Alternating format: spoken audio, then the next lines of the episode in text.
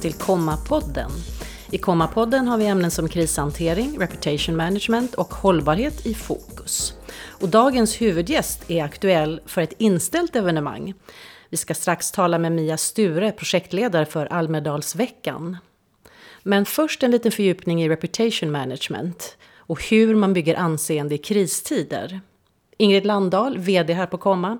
Hur ser du på kristider som en tid för att bygga ett företags eller en verksamhets anseende? Jag tycker att man ska vara väldigt medveten om att det här är ju en tid med ett väldigt högt engagemang och en väldigt snabb informationsspridning. Eh, och alla kommer ju komma ihåg den här tiden och vad man gjorde. Det är ju som vid alla stora kriser. Det är ju ingen som har glömt vad de gjorde under 9-11 eller när Palme sköts. Och det är likadant här, att även om det är en väldigt utdragen kris så kommer den finnas kvar i medvetandet under väldigt lång tid. Och då är det ju så att, att det finns både stora risker och stora möjligheter. Um, Vilka är riskerna? Ja, alltså, det gäller ju att inte tappa i anseende utan att hantera krisen på ett effektivt sätt. Och det är ju de här vanliga eh, eh, åtgärderna att eh, ha, eh, alltså agera tydligt och handlingskraftigt, kommunicera öppet och ärligt och så visa ledarskap och ansvarstagande. Om man ska dessutom orka bygga anseende i den här krisen så måste man ju ta ansvar på ett sätt som gör att man agerar över förväntan och verkligen visa att man bryr sig om sina medarbetare och kunder och även samhället i övrigt. Och jag menar, det här är ju en tid, alltså all, alla stora företag pratar om samhällsengagemang, om hållbarhet, eh, om ansvarstagande. Det är ju bara att gå in på vilket storföretags hemsida som helst. Och det här är ju en utmärkt tid att visa att man verkligen lever upp till alla de här fina orden. Så det tycker jag att man, man behöver ta fasta på nu. Mycket verkstad.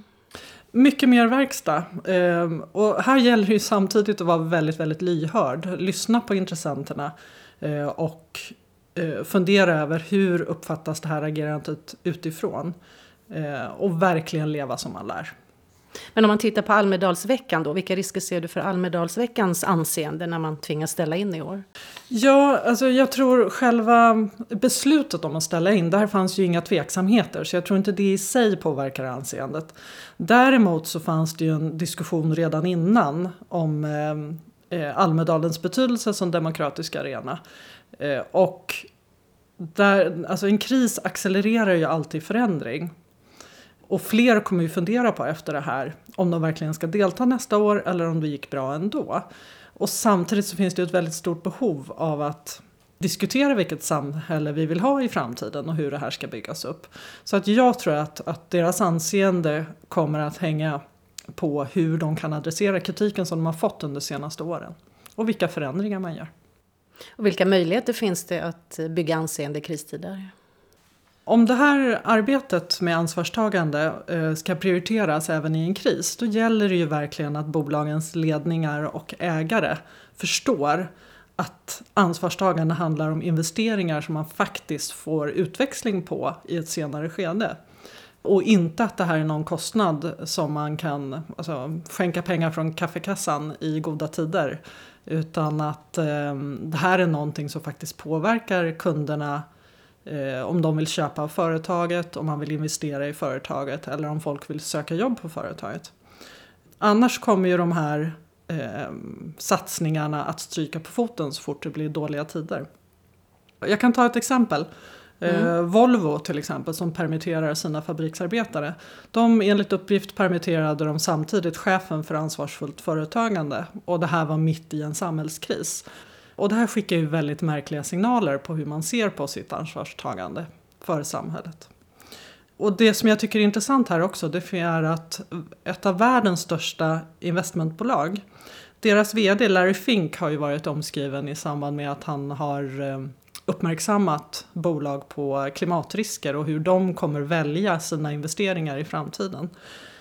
Och han kommunicerar att företag inte kan uppnå långsiktig lönsamhet utan att ha ett underliggande syfte och utan att ta hänsyn till behoven hos ett brett spektra av intressenter. Och det här tycker jag är väldigt intressant när det kommer från en av världens största kapitalister. Och jag hoppas verkligen att det här synsättet sprider sig till eh, fler investerare. Tack så mycket Ingrid Landahl, VD här på Komma. Och vill man fördjupa sig på temat att bygga anseende så hittar du fler artiklar på www.komma.se.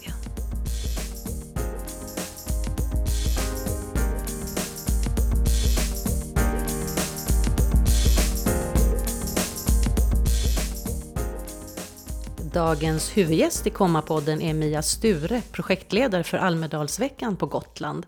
Välkommen till Kommapodden! Tack så mycket! Det märks att det är coronatider, för vi spelar in programmet på distans. Hur är det i Visby idag? Du, just idag så är det en fantastisk dag. Det är en eh, härlig vårdag, solen skiner. Jag har varit ute och motionerat eh, en timme innan. Vi har det som en eh, onsdagstradition. Näringsliv, regionanställda och andra som är intresserade träffas och så går vi runt i ringmuren och pratar business. Så jag kom nästan precis därifrån idag. Perfekt! Vad skönt! Mm. Vad var din känsla när du till slut insåg att ni var tvungna att ställa in årets Almedalsvecka? Mm, det var en stor sorg. Samtidigt måste jag säga att det var en lättnad också att veta att vi har ett beslut som vi kan förhålla oss till.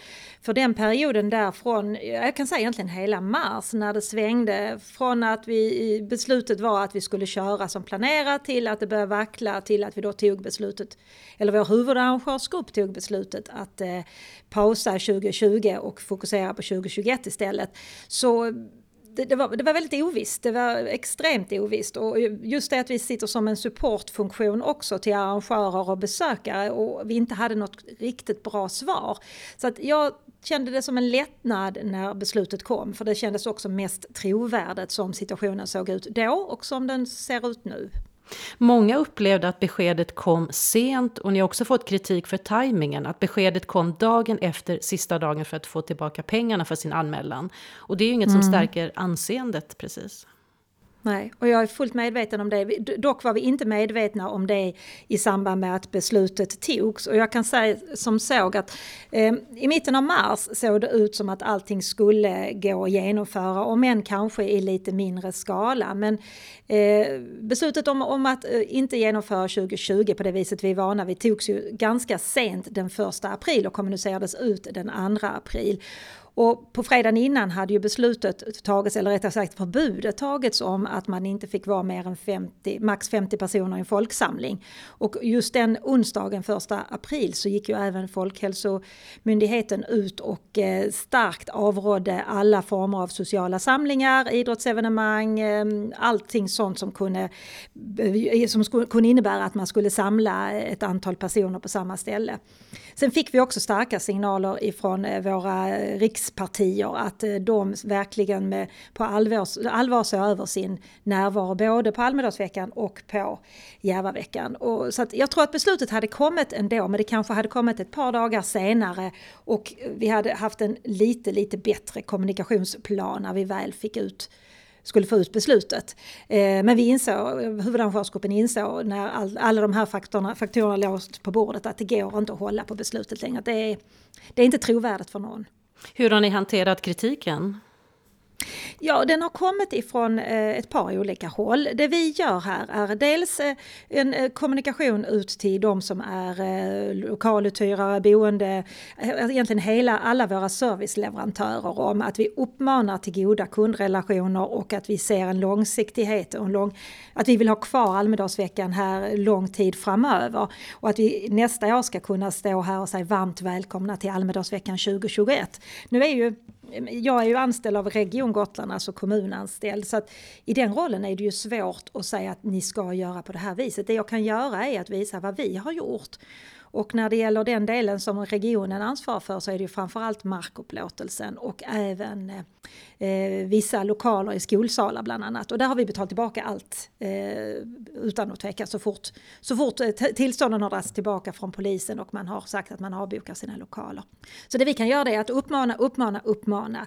Eh, och jag får samtal från både arrangörer och som då har eh, funderingar kring hur de ska förhålla sig till och även av de som hyr ut lokaler och boende, hur ska de förhålla sig till? Och tillbaka till det här igen, att vi måste lösa det här så bra som möjligt så att alla blir så, bra, så nöjda som de kan bli. Hade ni börjat titta på en plan B? Ja, vi har ju vi har haft en diskussion, kan man göra det här digitalt eller inte? Och det, det finns väldigt delade åsikter om det.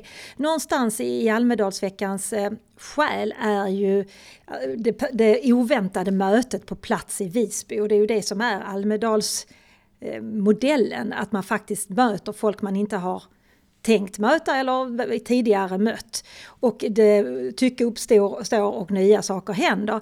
Så att den delen där är ju jätte, jätteviktig. Det vi har diskuterat också är om vi kan på något vis ta ansvar för de initiativ som jag vet är på gång redan och kommer till att komma under vecka 27. Eh, och just nu så, så ligger vi lågt men, men frågan är fortfarande aktuell här. När vi pratade inför intervjun så beskrev du att vi bor på en ö och det är ett helt hav mellan oss och de vi är till mm. för. Vad innebär ja. det och vad får det för konsekvenser? Jo, därför dels tror jag det är, eller jag vet ska jag säga, jag vet att det är jätteviktigt för oss att vara lyhörda och fånga diskussioner, tankar, eh, förslag, allt som, som sker bland och hos våra arrangörer. För de flesta arrangörerna som kommer hit och gör Almedalsveckan är ju inte gotlänningar. Så att, eh, och det är inte alltid att vi har förmånen att få gå, vara med i de korridorerna eller vara med på de mötena där diskussioner om Almedalsveckan eh, sker. Så att vi uppmanar våra arrangörer och egentligen vem som helst som är engagerad och brinner för Almedalsveckan att gärna komma med tips och tankar till oss eller eh, jag har även eh, bett om om det är någon som ska göra någonting under vecka 27 får de gärna höra av sig till oss och bara informera så att vi känner till vad som är på gång. För det är vårt sätt att kunna lyssna in och veta vad är det vi ska göra och hur, vi, hur ska vi bete oss för de som vi faktiskt är till för. Du berättade också att avbrottet i år har givit er större möjligheter att reflektera. Vad, vad är det ni ska reflektera över? Mm. Det är ju egentligen vad är det vi kan göra om och utveckla inför 2021. Jag måste bara sticka in med en väldigt, väldigt, jag tycker det är en sån underbar historia. Eh, vi har en, en utbildning här, en yrkesakademisk utbildning som skulle skicka ut sina eh, studenter på praktik precis innan påsk. Men eh, det var ju inte helt läge och de här studenterna är på distans också så att de, de träffas i Visby ett par gånger under sin utbildning för, för, för fysiska möten, annars sker det mesta på distans. Och de hade då, efter att eh, corona bröt ut så fanns det ingen praktikplats kvar för dem. Så då fick jag en fråga ifrån deras eh, kursledare om vi möjligtvis kunde tänka oss att ta 13 praktikanter.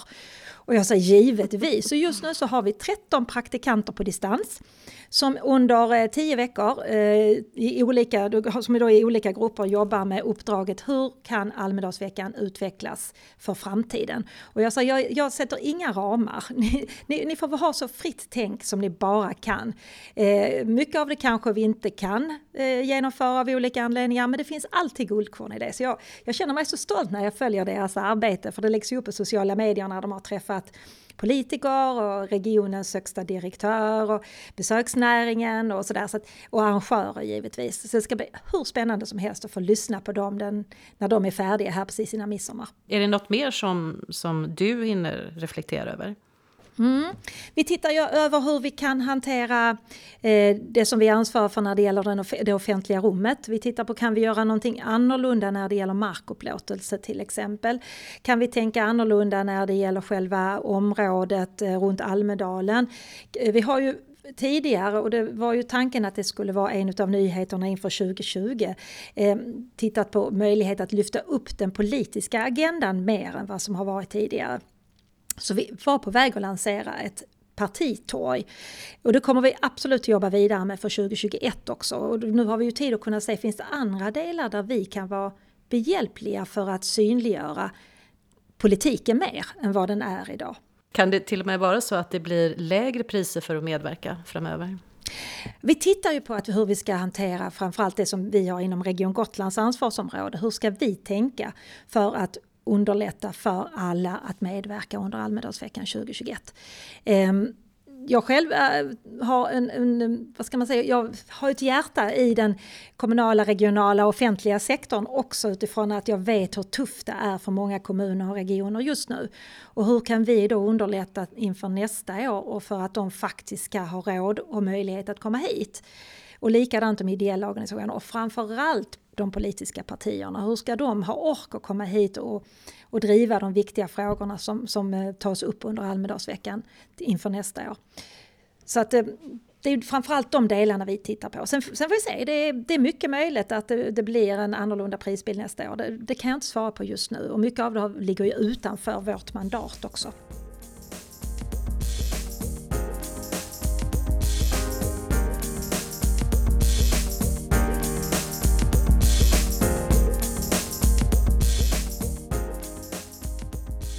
Innan intervjun med dig så pratade jag med Ingrid Landahl, VD här på Komma, om att bygga anseende i kristid. Och hennes reflektion var att Almedalens anseende hänger på hur ni adresserar den kritik som ni har fått de senaste åren och vilka mm. förändringar som ni gör. Håller du med om det?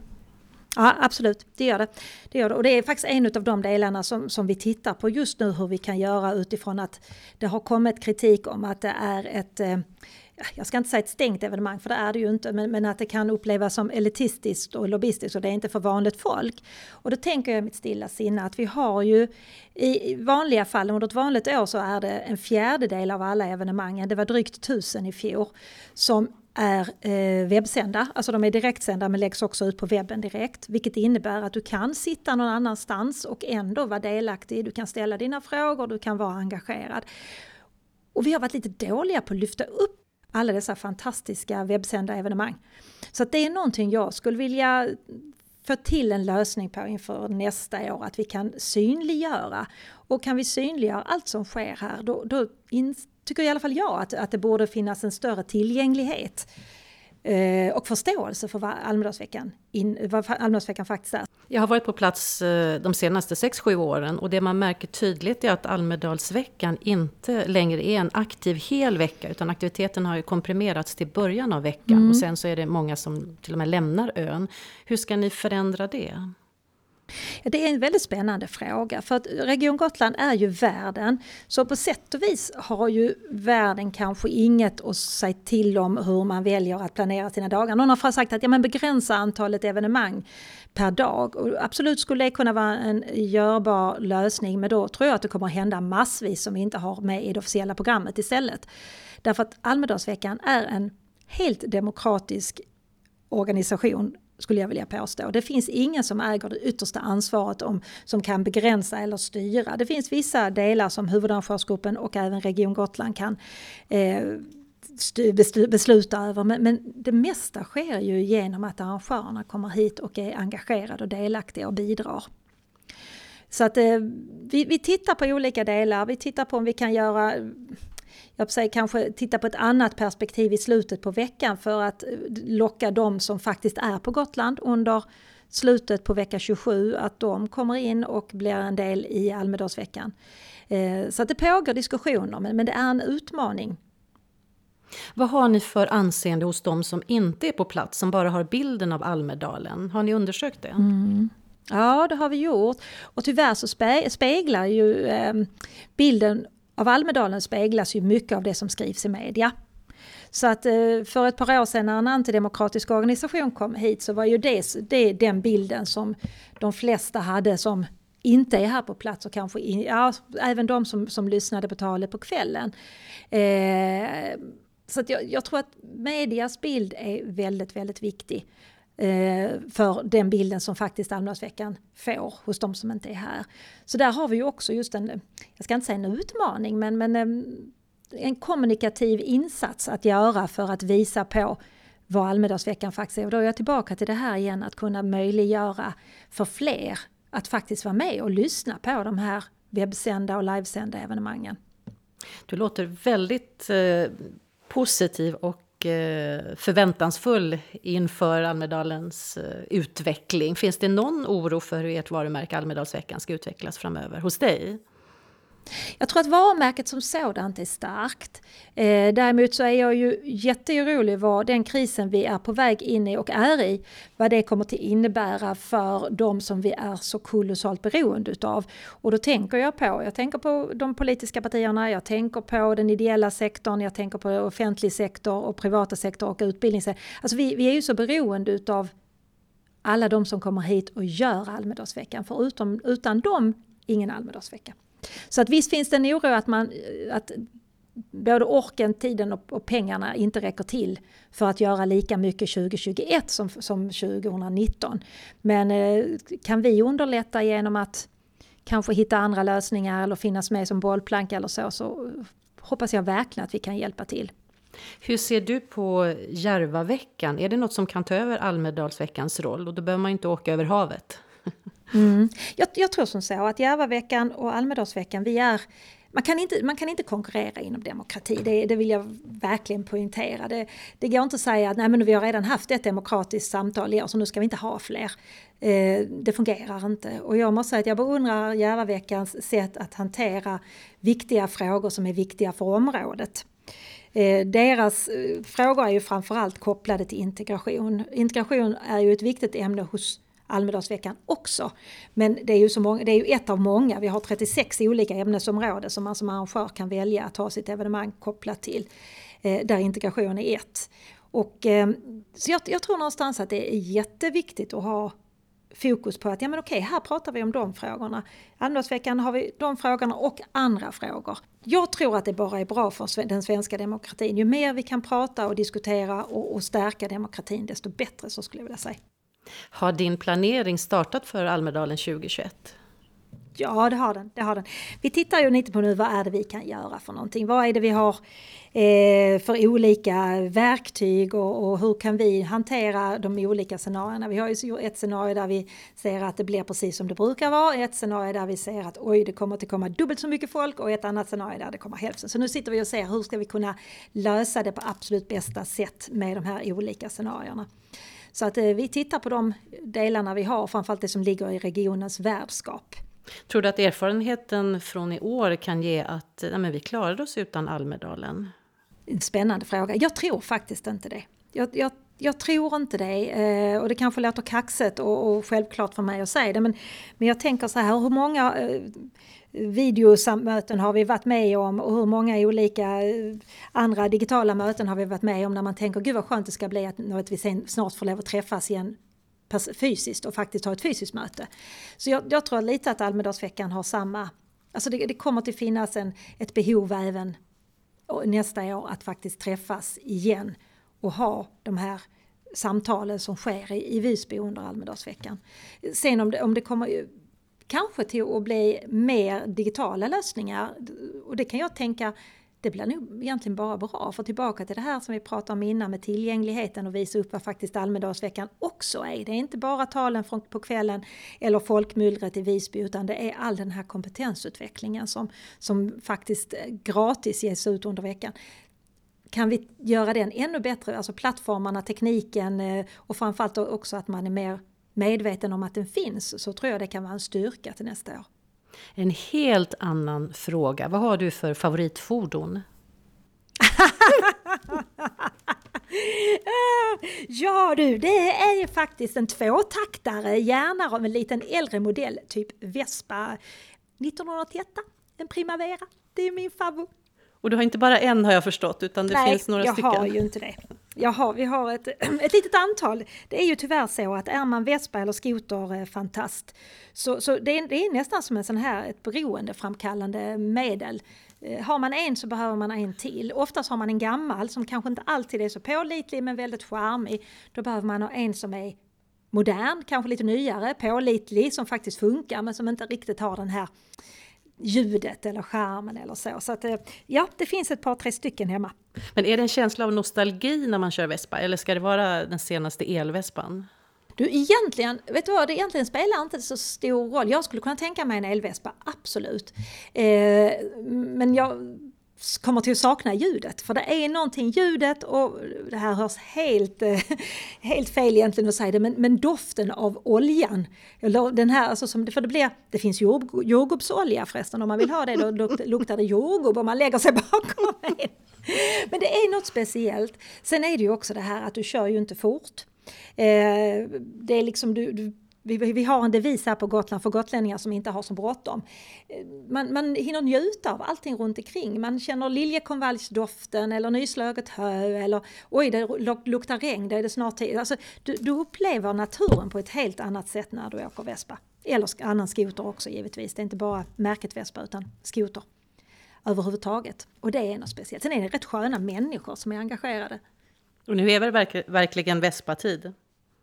Ja men det är det. det är det. Vi ska ut och köra här om två veckor om, om allting går som det ska. Det, funkar ju faktiskt att, att köra i kortege. Om vi håller våra avstånd när vi träffas och inte sitter för nära när vi dricker en kopp kaffe och alla har med sig egen termos. Så funkar det faktiskt väldigt bra att köra Vespa i de här tiderna. Mia Sture, projektledare för Almedalsveckan. Tack så mycket för att du gästade Komma-podden. Tack så hemskt mycket att jag fick lov att komma.